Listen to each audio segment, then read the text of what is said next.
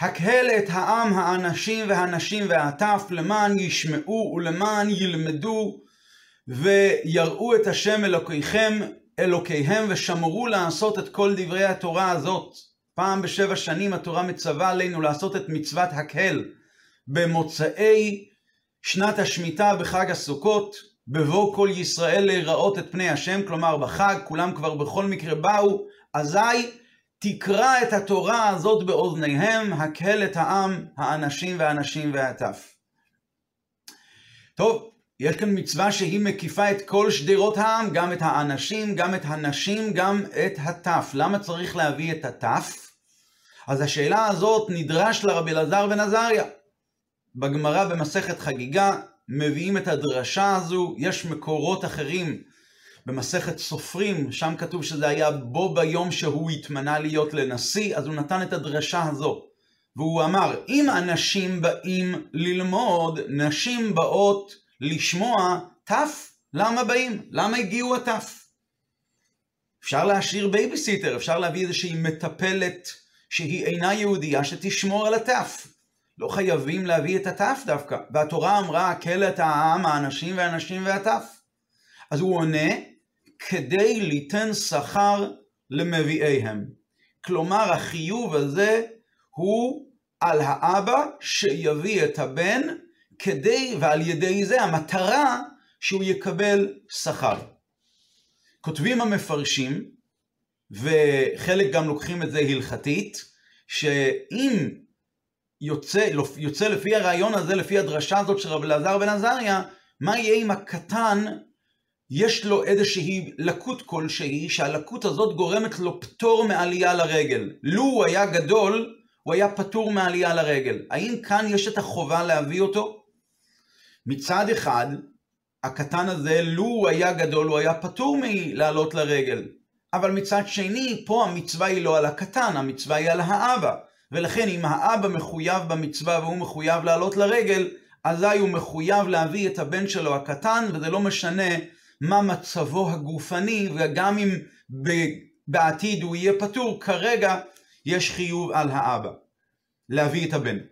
אלא שדברי הגמרא הזו במסכת חגיגה סותרים דברי גמרא אחרת, במסכת קידושין. הגמרא אומרת, שם הגמרא מדברת על אה, החיוב של הנשים במצוות הקל, והגמרא מעלה שאלה, מה היה קורה לו התורה לא הייתה כותבת במפורש את החיוב של הנשים לבוא לעלות ל, ל, לשמוע את uh, המלך קורא את, uh, מצ, במצוות הקל. לו התורה לא הייתה מביאה את נשים במצוות הקל. הרי יכולנו ללמוד את החיוב על הנשים בקל וחומר. אם ילדים, אם הטף חייבים, תפילים חייבים, נשים לא כל שכן. אם יש חובה להביא ילדים, בטח ובטח שיש חובה להביא נשים. ככה הגמרא שואלת. אם אנחנו כבר מתמקדים, בש... אם נתמקד בשאלה מבלי לדעת את התשובה, זה כבר לא נוגע. עצם השאלה הזו, מה היא מראה לנו? שהתפילים, הילדים הקטנים, הגמרא קוראת להם תפילים, הטף, הטף הם חייבים בעצמם, ולכן אנחנו עושים קל וחומר. אם ילדים קטנים חייבים, בוודאי שנשים חייבות. אם אנחנו אבל אומרים שהחובה היא בכלל לא על האבא, החובה היא לא על הילד עצמו, אלא החובה היא על, על מביאיהם, על ההורים, על האבא, שהוא צריך להביא את הילד, אז איך אפשר לעשות קל וחומר? איך אפשר, איך הגמרא יכולה להגיד, אם תפילים חייבים, אז נשים בוודאי ובוודאי, וגם איך אפשר בכלל ללמוד את החובה של הנשים מחובת הילדים, בה בשעה שילדים בכלל לא חייבים. וזה ממש סתירה בין גמרא לגמרא. נו, יכולנו לומר שדברי רבי אלעזר בן עזריה נאמרו כהגדה או כמדרש, אבל לא כעניין הלכתי, ובאמת להלכה יש חובה הלכתית על הילד עצמו לבוא לרגל, כמו שמשמע בגמרא שהבאנו במסכת קידושים. אבל אי אפשר להגיד כזאת תשובה, בגלל שמצאנו בכמה וכמה פוסקים ובכמה וכמה מקומות שדברי רבי אלעזר בן עזריה האלה שימשו להשראה לכל מיני עניינים הלכתיים, בעניינים של לימוד תורה לנשים וכולי. כך שדברי רבי אלעזר בן עזריה לא נאמרו כהגדה או כמדרש או כדרשה סתם, אלא כעניין הלכתי. שלפי רבי אלעזר בן עזריה, החובה להביא את הילד הוא על האבא, אין חובה על הילד עצמו. אז זו ממש סתירה לכאורה, נצטרך ליישב אותה. אולי ננסה לענות, האמת היא שהתשובה הזו מופיעה כבר בפרשנים קדמונים, שהפסוקים שמדברים במצוות הקהל מחלקים את הקטנים לשני סוגים. כלומר, בקטנים עצמם שלפני בר מצווה, יש שני סוגים. יש קטנים שכבר הגיעו לגיל חינוך, אז עליהם באמת יש חיוב, והחיוב נלמד, יש פשוט קטנים שהגיעו. ויש קטנים שעדיין לא הגיעו לידי חינוך, הם ממש ממש קטני קטנים. אז ככה, הפסוק אומר, הקהל את העם, האנשים והנשים והטף למען ישמעו, למען ילמדו. אז פה, הטף האלה למה הם באים? והטף האלה באים רק להביא שכר למביאיהם. אחרי זה הגמרא אומרת עוד פסוק, למען ישמעו, למען... הכוונה היא, למען ירבו ימיכם וימי בניכם על האדמה.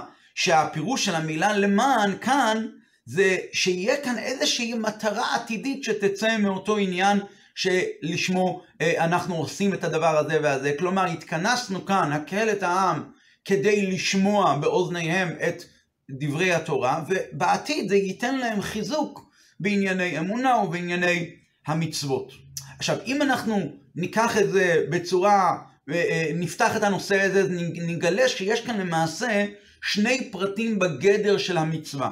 דבר ראשון, המצווה חלה על המלך. העם, הם רק מאפשרים למלך לקיים את המצווה שלו, להקהיל את העם. זו, אה, זו, אה, זה עניין אחד. עניין שני, מה התוכן של המצווה הזו? התוכן הוא רק להקהיל אותם ושישמעו את הפרשיות האלה. תקרא את התורה הזאת, את דברי התורה הזאת, באוזניהם. כמובן, באמצעות המעשים האלה שאנחנו עושים כרגע, בעתיד, וכתוצאה מזה, אזי למען ישמעו ולמען ילמדו. אבל האמת היא שהמטרה היא בפשטות של הקריאה של המלך להקהיל, לעורר את העם, שיזכרו כמו המעמד של מעין, מעין מתן תורה קטן כזה, ככה גם שיזכרו ושידעו, וכמובן יש כאן מצווה החובה היא על המלך שהוא יקרא את התורה בצורה כזו, באופן כזה שיעורר את העם, והרמב"ם כאן שם, הרמב"ם בהלכות אה, חגיגה, אז הוא כותב את הביטוי הזה, ומי שאינו יכול לשמוע, נגיד הוא עומד רחוק או משהו כזה, מכוון ליבו לקריאה זו, שלא כבאה כתוב, אלא לחזק דת האמת. כלומר, יש כאן תוכן שעל ידי ההקהלה הזאת, יהיה אה, אה, דבר, התוכן של המצווה לשמוע את הפסוקים האלה, ובעתיד יהיה לאנשים ששומעים את זה חיזוק בענייני המצוות. וכאן מגיע, זה דברי התורה, תורה שבכתב. וכאן מגיע רבי אלעזר בן עזריה ונותן כאן תוספת ואומר כאן ככה, נכון אמנם שהחיוב של המצווה הזאת ביסודו הוא על המלך, אבל, אומר רבי אלעזר בן עזריה, מאחר שהמצווה הזאת לא יכולה להתבצע אלא רק על ידי ההשתתפות של העם, זה א', ב', התוכן של המצווה הוא שהעם ישמעו וילמדו, הקל את העם למען ישמעו ולמען ילמדו. אומר רבי אלעזר בן עזריה חידוש, יש כאן חובה גם על העם לבוא. למה? למה יש עליו חובה לבוא? כי המצווה לא יכולה להיות בלעדי שהעם יבוא. שתיים, יש כאן חובה על העם לשמוע וללמוד ולאפשר למקהיל לקיים את המצווה שלו. כאשר התורה באה ואומרת למלך לעשות פעולה מסוימת שדורשת את ההשתתפות של העם, והמטרה היא, המטרה שמוטלת על היא בשביל העם. אז, אז למעשה העם מוכרח לאפשר למלך על ידי העם, העם יכול לאפשר למלך לקיים את המצווה שלו. אז זה לא ממש תלוי רק במלך המצווה הזו. לשם דוגמה, רבינו ניסים כותב שאפילו שאישה היא לא מחויבת במצוות פריה ורבייה, אבל אז הנושא הזה הוא כמובן נושא אה, נדוש ונידון באריכות, רבי, רבינו ניסים אומר שיש לה מצווה בגלל שהיא מסייעת לבעל לקיים את המצווה של, של, ה, של הבעל. זאת אומרת, אפילו שהאישה היא לא רשמית במצווה הזאת, אין עליה את החובה הזו, אבל מכיוון שהבעל לא יכול לקיים את המצווה הזאת ללא, ללא האישה כמובן, אז ממילא היא חולקת איתו שכר במצווה הזו. אז המצווה הזו היא למעשה חלק שלה. אבל כמובן יש הבדל, זה, זה דומה לנושא הזה כאן. המלך לא יכול לקיים את המצווה שלו לולי ההשתתפות של העם. אבל יש כאן הבדל. שם המטרה של פריה ורבייה היא לא האישה, המטרה היא שיהיה פריה ורבייה, שיהיה ילדים, להעמיד תולדות, בנים ובנות. האישה היא לא שייכת למצווה, המצווה היא לא באישה עצמה, היא התוצאה שיבוא מה... באמצעות האישה, זה יהיה תוצאה בבנים, בתולדות דווקא. בפועל, במציאות, הבעל לא יכול לקיים את המצווה ללא הסיוע שלה, ולכן היא חולקת איתו שכר. אבל פה המצווה היא בעם עצמו. זה לא רק שבאמצעות העם המלך מקיים את מצוות ההקלה, כי התורה אמרה לו אתה צריך להקיל, אז אם העם לא יבוא, הוא לא יכול להקיל. פה המצווה היא, זה לא רק הכרח מציאותי. הגדר והתוכן של המצווה הוא לפעול בעם שבאו לשמוע שלמען ישמעו, למען ילמדו. הם הם המצווה עצמה. הם החפץ של המצווה כביכול. הם החפץ שבאמצעותם עושים, זה החפץ שבו עושים את המצווה.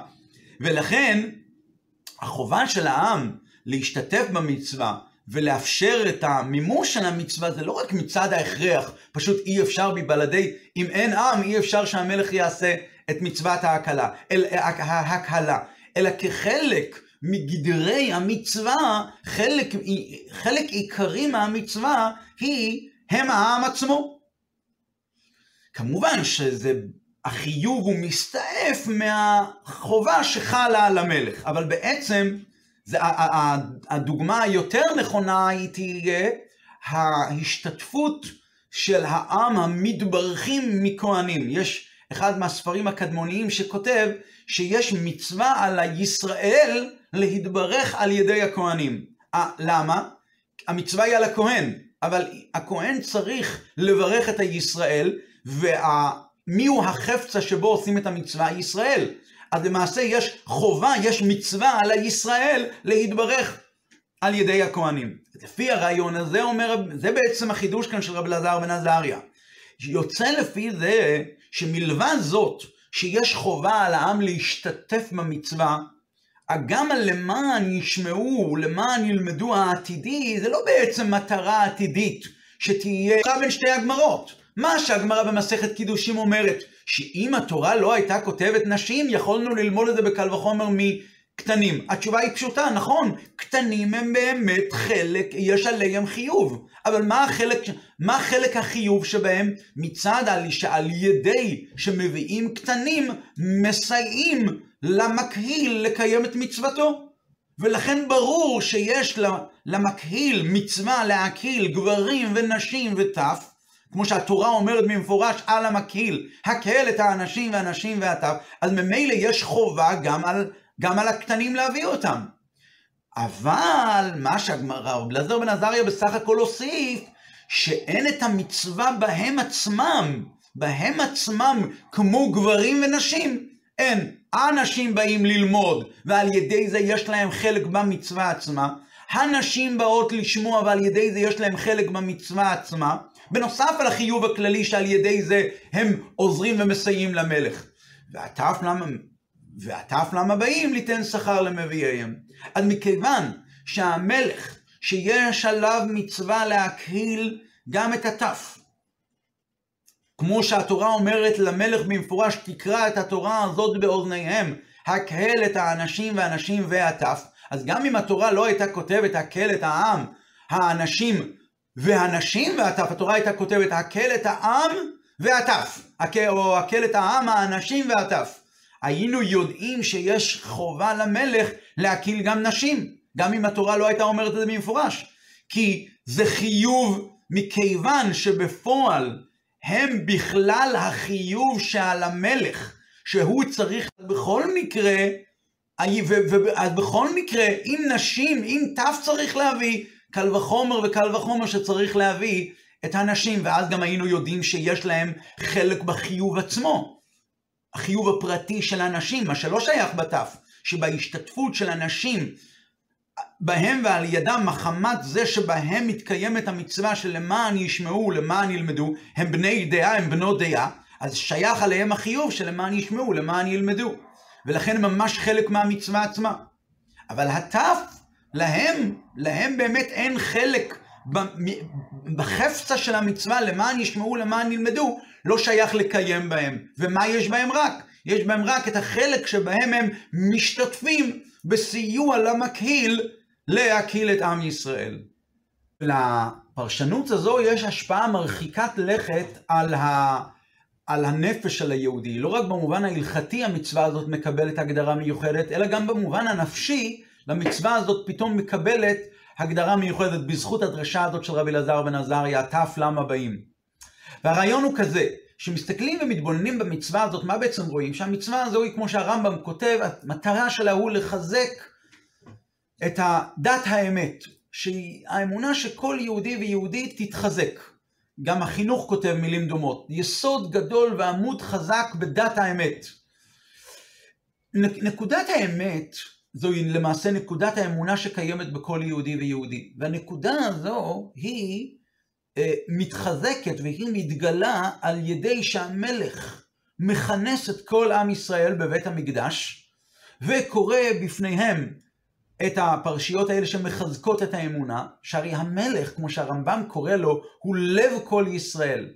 המלך זה נשמה כזו שהיא דבר ראשון מבחינת, מבחינה התנהגותית.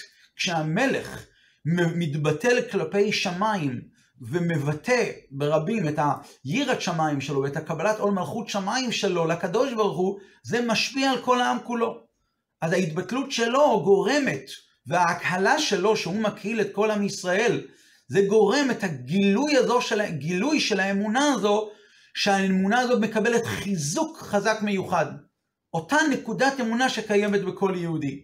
לכן, אנחנו רואים שגם בין הפרשיות היו קוראים, המלך היה קורא את פרשיית שמע, ופרשת שמע, והיה עם שמוע, שאלה פרשיות שמדברות על קבלת עול מלכות שמיים, על קבלת עול המצוות, והיה עם שמוע.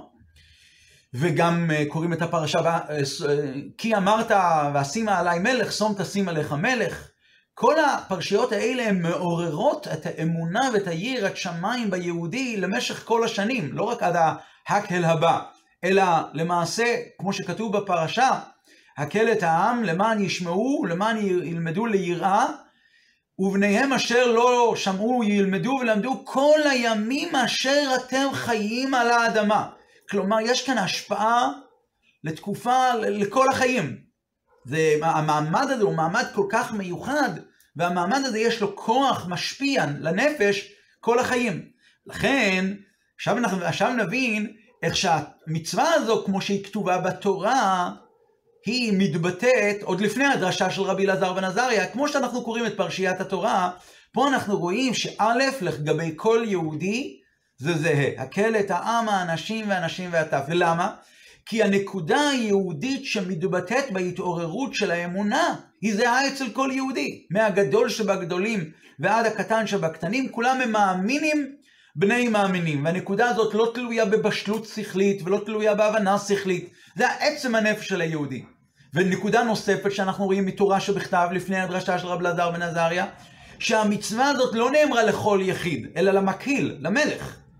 ולמה? כי החיזוק, לחזק את האמונה הזו, עד כדי כך שזה ישפיע כל החיים, זה דבר שזה לא אפשרי בכוחות עצמו, אלא צריך שיגיע המלך, שהוא הנשמה הכללית שלהם, והוא יש לו את היכולת לגעת, ועל ידי הפעולות שלו לעורר את אותה נקודה פנימית שקיימת אצל כל יהודי, שזוהי נקודת האמונה שקיימת אצל כל יהודי.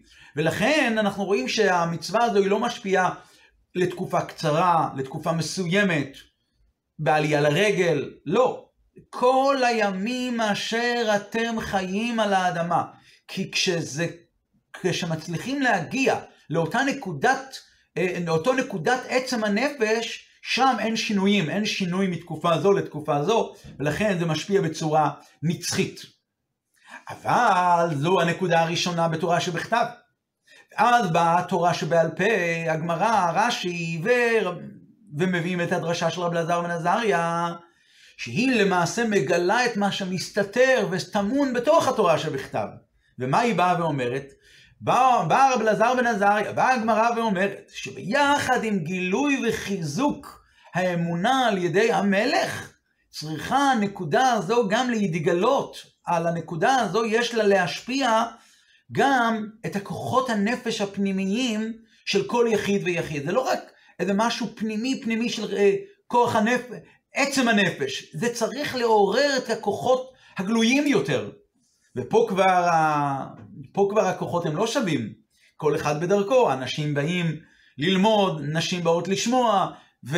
וכולי וכולי. ואז הבאה הגמרא ואומרת, אז למה מביאים את התף? אומרת הגמרא שעל ידי שמביאים את התף ומכלילים אותם במצווה של להקל ביחד עם המלך, אז למעשה נוצרת התעוררות כזו ליתן שכר למביאיהם, שבכוחות הנפש של מביאיהם, אותם אלה שהביאו את התף, מביאיהם, הם מקבלים שכר מיוחד תמורת העניין הזה שהם הביאו את התף. וזה במידה מסוימת עוד יותר מאשר המעלה העצמית שמתגלית בעבודת האנשים ובעבודת הנשים הפנימית. אז זה הולך ככה, יש את נקודת האמונה שהיא מתגלית על ידי המלך, אבל למעשה זה דורש גם פעולה אישית עצמאית של כל אחד ואחד. האנשים, הנשים, כל סוג וסוג לפי עניינו. ומה עם התף? בהבאת התף למעשה מביאים כאן איזה שכר מיוחד, איזו התעוררות פנימית מיוחדת שהיא לא קיימת בשאר הדברים. ליתן שכר, שכר הכוונה היא התעוררות מיוחדת בכוחות הנפש של מביאיהם, של המביאים שלהם. אני חושב שהנקודה הזו היא עצם זה שהלכו והביאו את התף, שזה למעשה ההמשך של עם ישראל, זה יוצר איזושהי פעולה שנקודת הנפש הזו של היהודי באה ומתגלה בצורה הרבה הרבה יותר חזקה מאשר ההתגלות העצמית של, של הבן אדם כמו שהוא מצד עצמו. ומזה אפשר לקחת הוראה למעשה היום, כשאין לנו, אה, אולי עוד נזכה, אה, עד אה, אה, סוכות תשפ"ג בעזרת השם. אבל מצוות הקל, כשלא מתקיימת בפועל כל עוד בית המקדש לא נבנה, אנחנו יודעים אבל שהמצווה הזו היא נצחית, כי מצוותיה של התורה נצחיות הן, ויש לה מימד נצחי, התורה היא נצחית. ולכן העבוד, בעבודה הרוחנית של היהודי, המצווה הזאת כן קיימת. קיימת גם היום. וקיימת גם היום לא רק בארץ ישראל, לא רק בירושלים בין החומות, אלא בכל מקום ומקום. זאת אומרת, שבימי חג הסוכות יתכנסו, כשמתכנסים יהודים רבים ככל האפשר, ובלי להתחשב במצב של היהודי, בין אם הוא יהודי שהוא בבחינת ת' כפשוטו, ובין אם הוא ת' במובן הרוחני, שהוא מבחינת ידיעות בתורה ובידיעות במצוות ושמירת המצוות הוא בבחינת ת'. גם אותם צריך לכלול, הקהל את העם, האנשים והנשים והטף ביחד. ובמסיבות האלה של חג הסוכות, בשמחה הזו שהם מתכנסים ביחד, בהתוועדויות האלה שעושים בחג הסוכות, אז למרות שייתכן שאותו תף הוא לא הגיע לחינוך, מה הפירוש? הוא לא מסוגל עדיין להבין את המשמעות של התורה והמצוות כמו שהיא, הוא יהודי אבל. מכיוון שהוא יהודי, ועל ידי שהוא מתכנס ביחד עם עוד יהודים, אז על כל בי עשרה שכינתא שריא. ההתכנסות הזו שהמטרה שלה היא לעורר יראת שמיים זה משפיע. ומתגלה בו אותה נקודת יהדות שקיימת בכל יהודי בשווה, אותה נקודת יהדות שתמיד היא הייתה באומנה איתו, לא משנה כמה היא התכסתה וכמה היא לא באה לידי גילוי במשך שנים ארוכות. זה דבר שמביא לו לשכר גדול בעבודה שלו. ואז גם אותה נקודת אמת תקיף גם את התף. ואז התף הזה ישתנה, תף הרוחני הזה ישתנה לו הכוחות הפנימיים שלו. ואז הוא יגרום לו לשמיעה וללימוד, וזה יגרום ל"ויראו את השם אלוקיכם ושמרו לעשות" את כל דברי התורה הזאת. אז זה ההוראה והמסר שיש כאן לשנה הזו, לשנת הקל, למצווה הזו של הקל ולשנה הזו שבמשך השנים הרבי קרא לה כל השנה שנת הקל, אפילו אחרי חג הסוכות.